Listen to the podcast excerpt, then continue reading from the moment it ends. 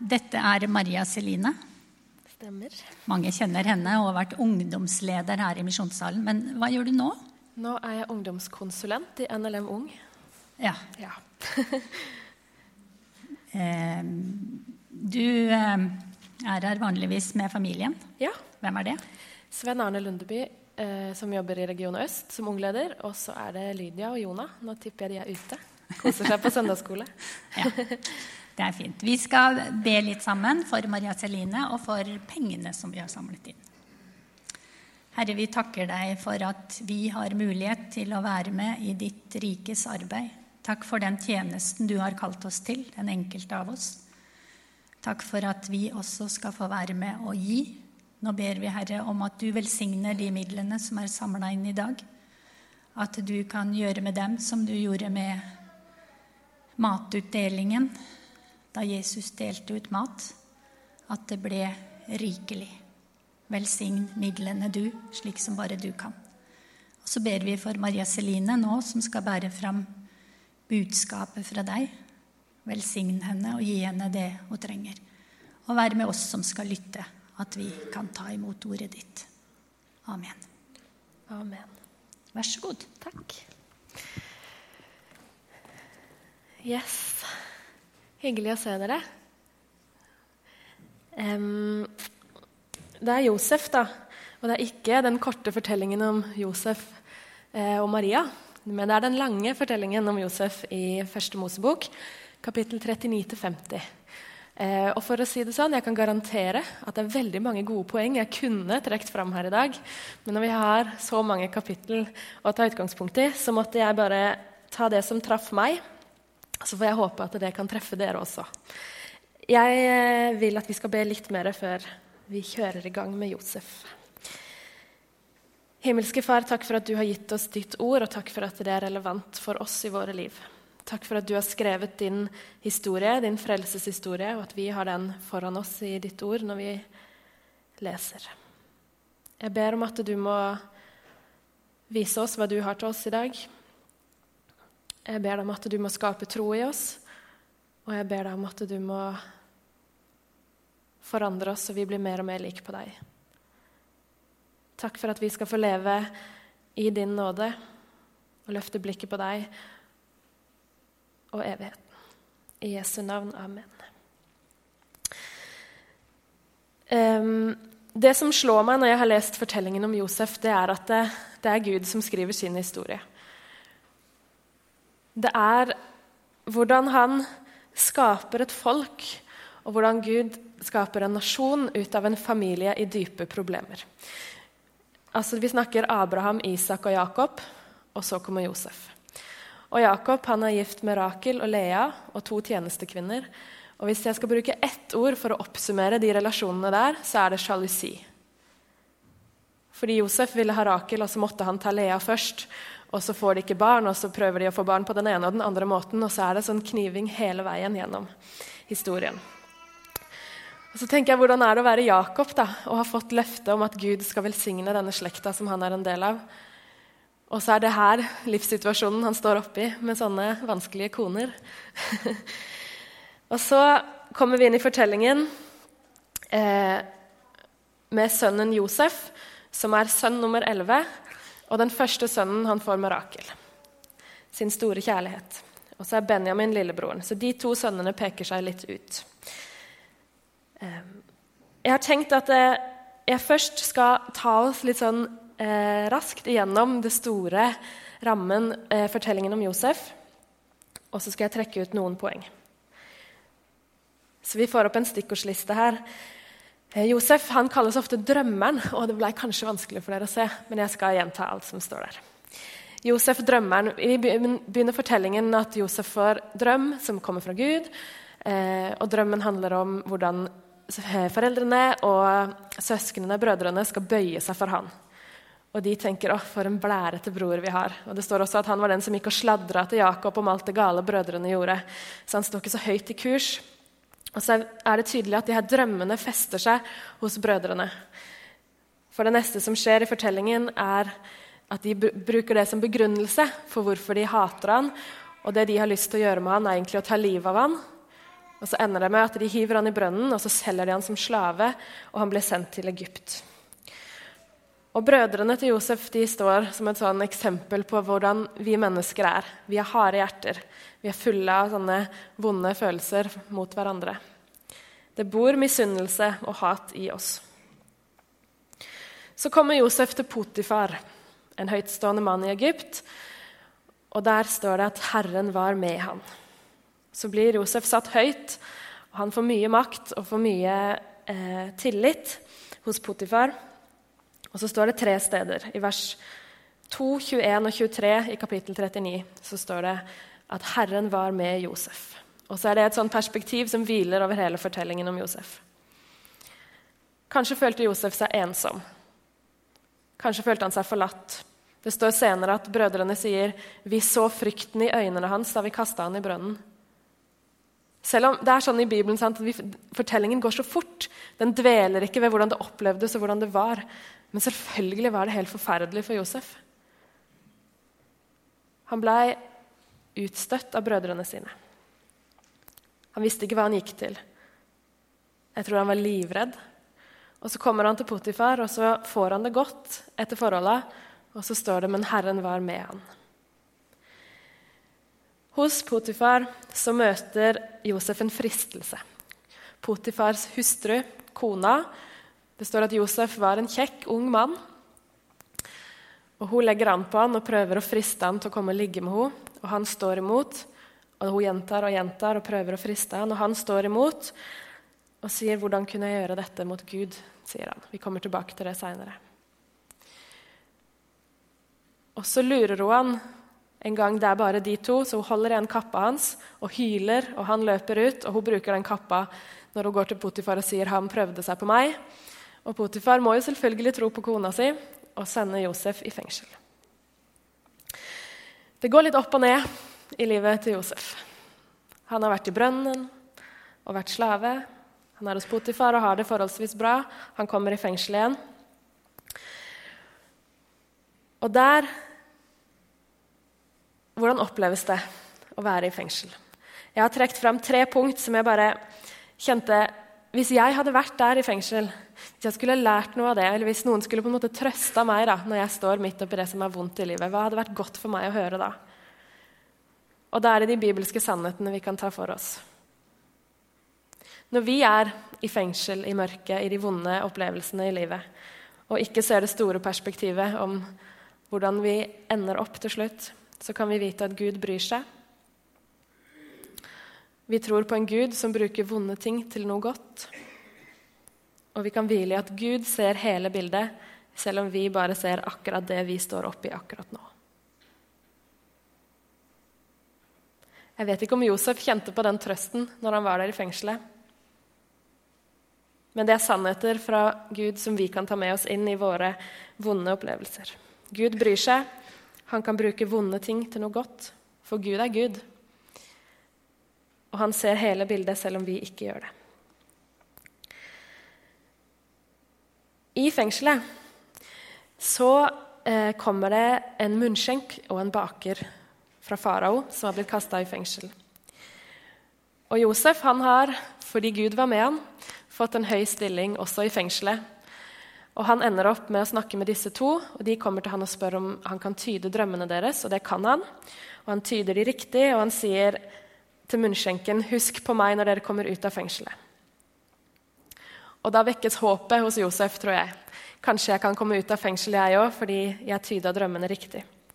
Så må han vente i to år før noe skjer. Og det er to år i sånn vakuum, hvor du ikke vet hva som skjer. Tenk to år av livet i et fengsel med et ørlite håp om at han kanskje skal få komme ut. Så gjør han det. Så kommer han til farao fordi farao trenger å få tyde en drøm.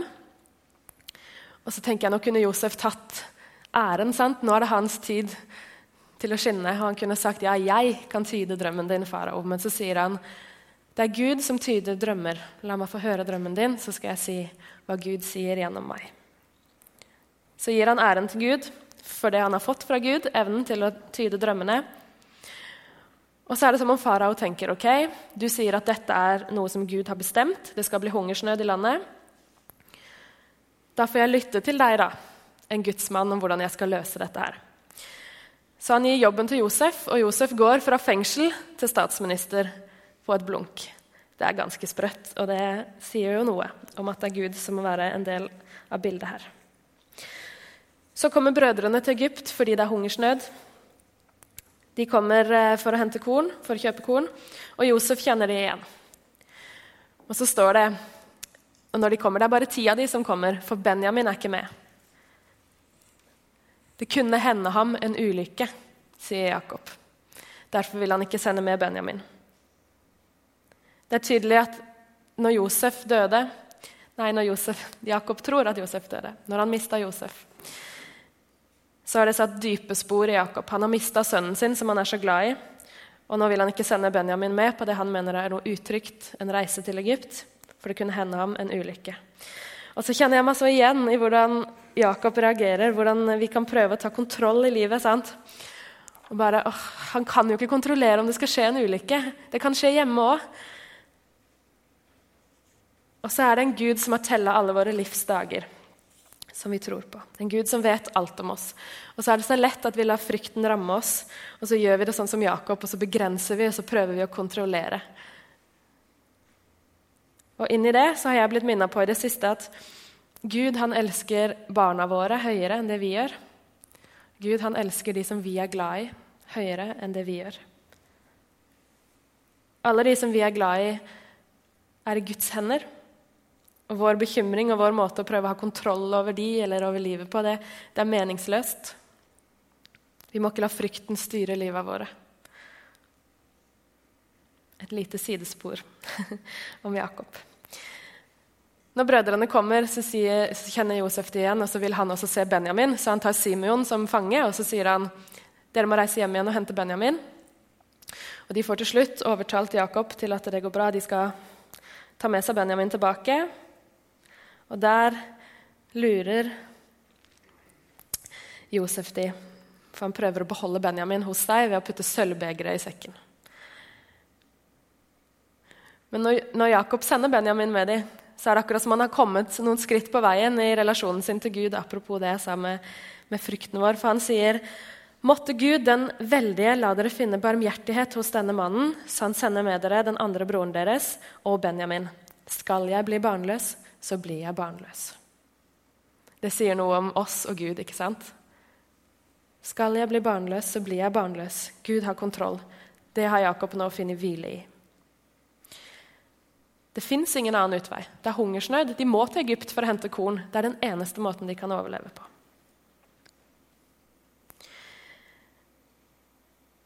Når Josef sier 'jeg vil ha Benjamin igjen her', for han har stjålet sølvbegeret, så sier Juda 'du kan ikke det'. Faren vår Jakob kommer til å bryte sammen hvis ikke vi tar Benjamin med oss hjem. Og Det trykker på alle følelsene hos Josef å få høre dette her om faren sin. Så det ender med at han viser dem hvem han er.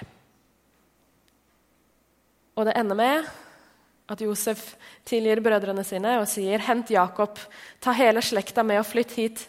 Flytt til Egypt, her som det er korn. Og de er 70 stykk som kommer og flytter. Til Gosen, et sted hvor de får bo isolert. Fordi egypterne de likte ikke at de jobba som gjetere, så de sa ok, dere kan komme og bo her fordi dere er familien til Josef, som vi er så glad i.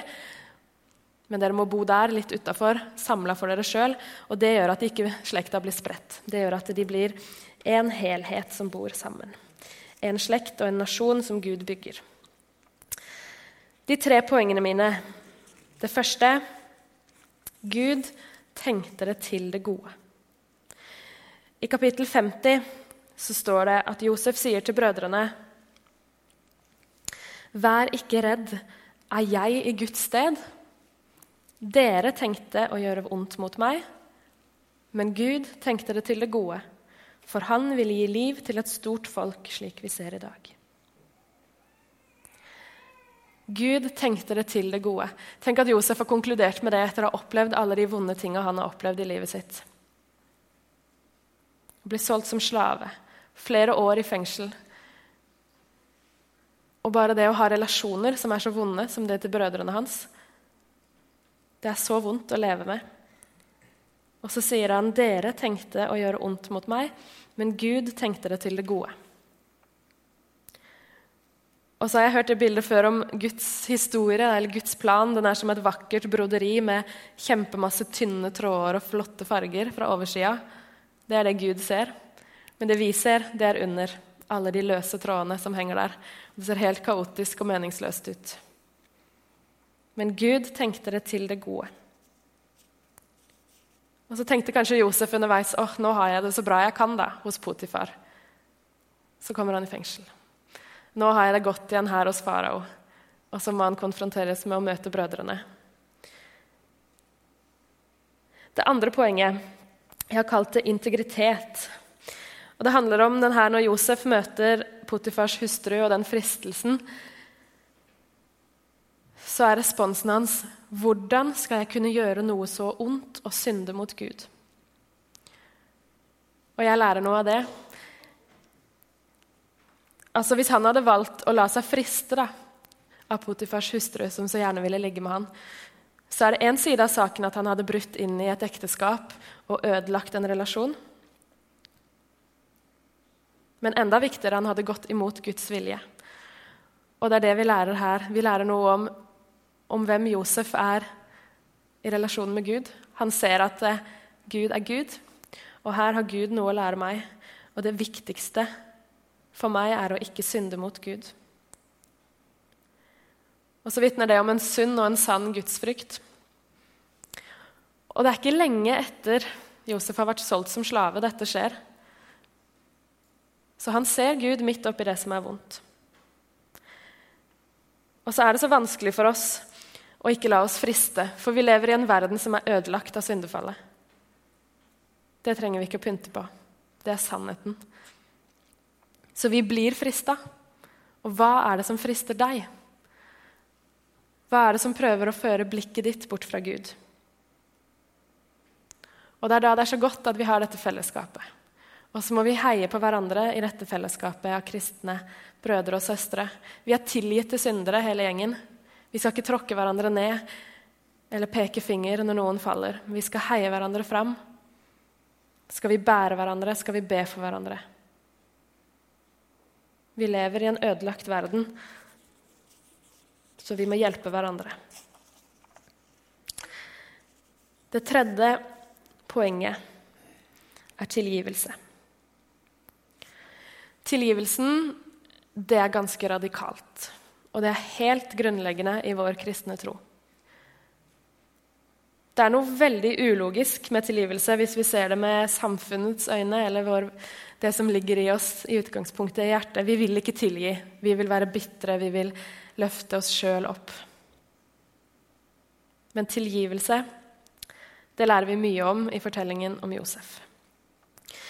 Jeg har lyst til å trekke ut tre bibeltekster hvor vi ser på en måte en slags utvikling, men også tilgivelsen fra litt forskjellig perspektiv.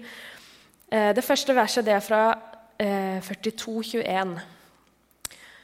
Det står at eh, Josef har sett at brødrene har kommet. Han kjenner de igjen, men de kjenner ikke han igjen. Josef han snakker med tolk, så de tror at han er en egypter. Og så hører han at de sier bak ryggen Sannelig, vi er skyldige. Vi så at broren vår var i stor nød da han bønnfalt oss om nåde, men vi hørte ikke på ham. Derfor er også vi kommet i nød.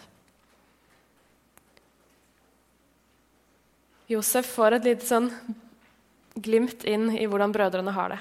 Det er mange år etterpå, og det preger de fortsatt. Og de ser at det, det at de nå lider og ikke har mat, det tenker de er straff for at de har kasta Josef i brønnen, solgt han som slave.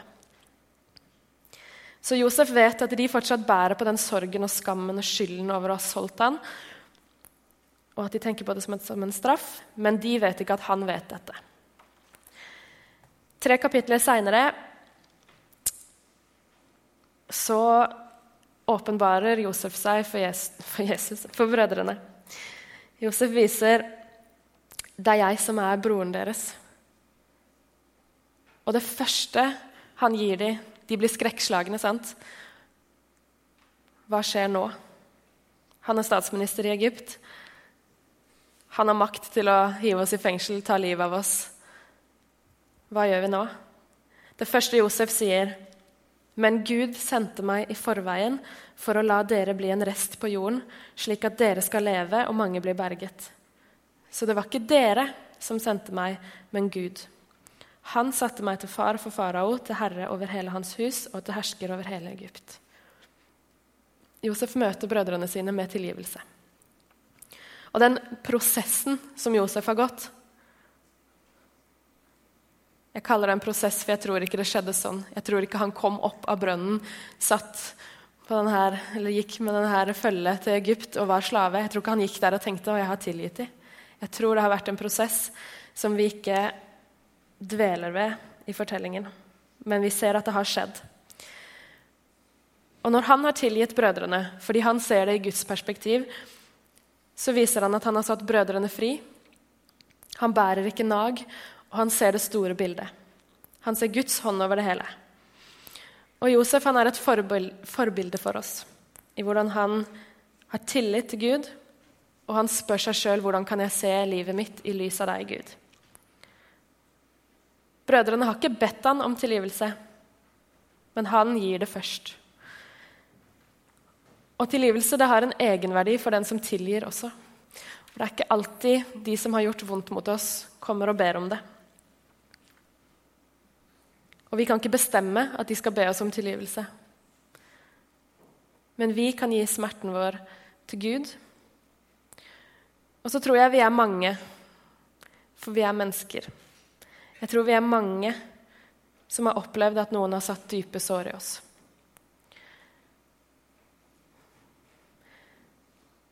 Det kan være fysiske eller åndelige overgrep.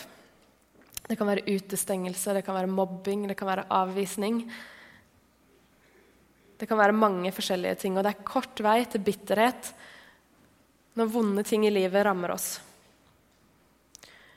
Og så ser Gud oss midt i livet vårt. Han ser smerten vår, han ser hvor vondt vi har det. Og så er Bibelens ord til oss at Gud vil hjelpe oss, og at det er godt for oss å tilgi. Vi skal strebe etter å tilgi, etter å ha varme, ydmyke hjerter så vi må be andre om tilgivelse. Men også at det er godt for oss å tilgi andre. Når Gud får slippe til og hjelpe oss å, å takle de tinga, så blir livet så mye bedre enn når bitterheten og hatet preger oss. Eller sorgen. Når det ikke er noe som binder oss. Og så er det en ærlig sak at det er smertefullt å oppleve at andre gjør vonde ting med oss og at vi har det i oss, at vi kan gjøre vonde ting mot andre. Og så er tilgivelse en prosess, og det begynner med å søke Gud, sånn som Josef viser oss. Å søke Guds perspektiv over livet og ha en tillit til at Gud er nær og ser oss og bryr seg om oss. Den tredje teksten om tilgivelsen. Da har Jakob dødd. Eh, de har levd 17 år i Egypt det er ganske lenge siden Josef har sagt 'Jeg har tilgitt dere'. Men først nå, når Jakob dør, så kommer brødrene og sier fra vers 15 Da Josefs brødre så at faren var død, sa de bare ikke nå Josef legger oss for hat og gjengjelder oss alt det onde vi har gjort mot ham. Så sendte de bud til Josef og sa, før han døde, påla din far oss at vi skulle si deg dette. Kjære, tilgi brødrene dine den urett de gjorde da de synda og handla ondt mot deg. Tilgi nå uretten som er gjort av oss, som tjener din fars Gud. Josef gråt da de snakka slik til han. Siden kom brødrene selv og kasta seg ned for han og sa, Se, vi er dine tjenere. Da sa Josef til dem, Vær ikke redde, er jeg i Guds sted? Dere tenkte å gjøre ondt mot meg, men Gud tenkte det til det gode for han ville gi liv til et stort folk slik vi ser i dag.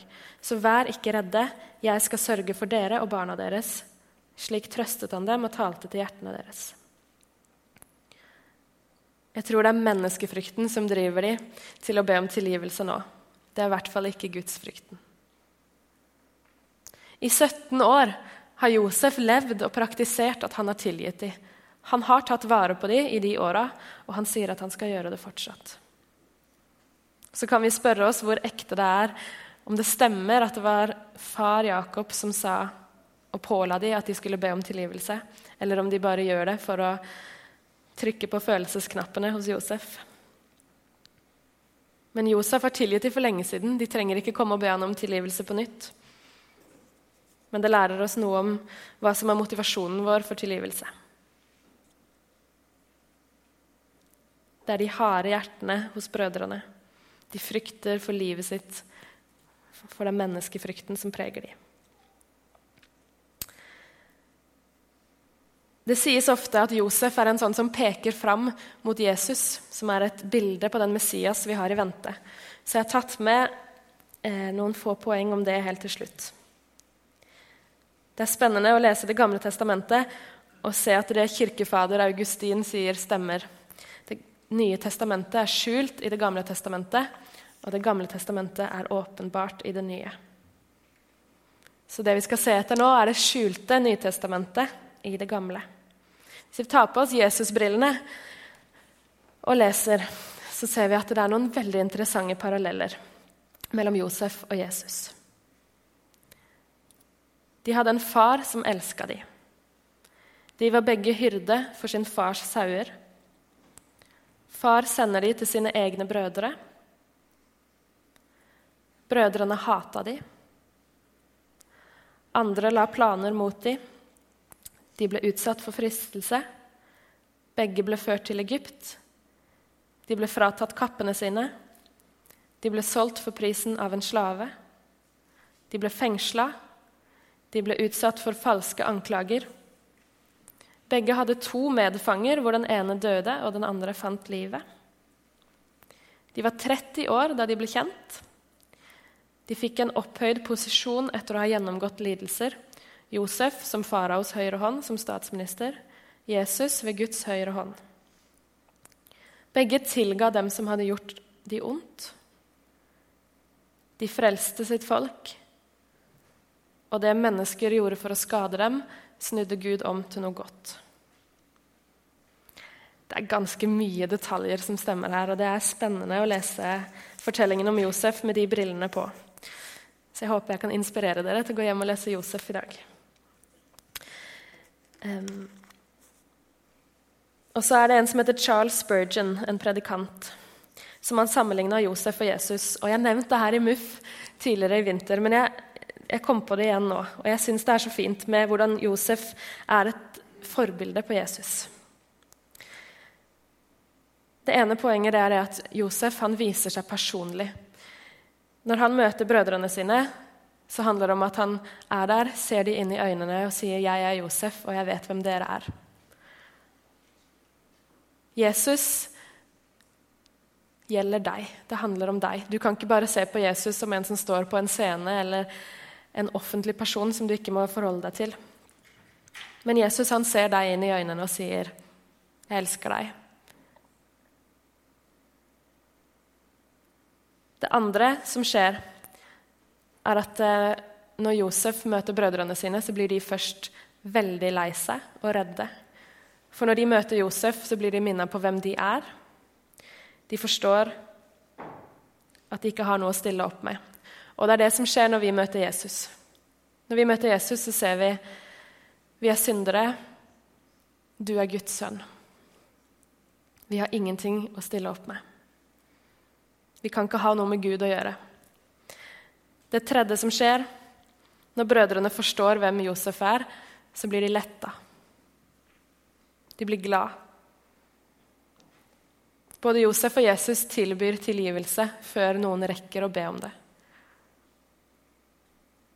Hvilke følelser og hvilken respons er det Jesus vekker hos deg når du tar ham på ordet?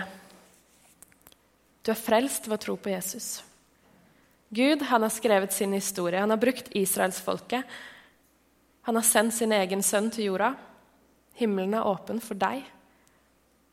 Du som tror på meg, Jesus, Guds sønn, sier Jesus. Hvilke følelser vekker det hos deg? Hvilken respons gir du? Takknemlighet? Lettelse? Glede? Fred? styrke for dagen og håp for i morgen.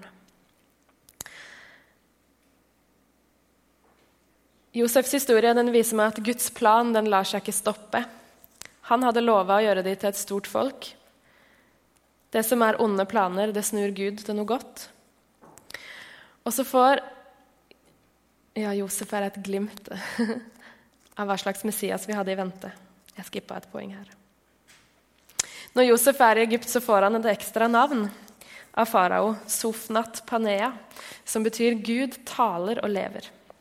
Og Josef han var et vitne om Guds makt og godhet i Egypt, og han var en mann som Gud bruker i sin historie. Et kaos av misunnelse og familiestridigheter det stopper ikke Gud. For Gud han er stor, han er mektig, og han visste at han ville skrive sin historie. Og det er den Gud som vi tror på, som er den levende Gud, som vi får ha en relasjon til i Jesu navn. Amen.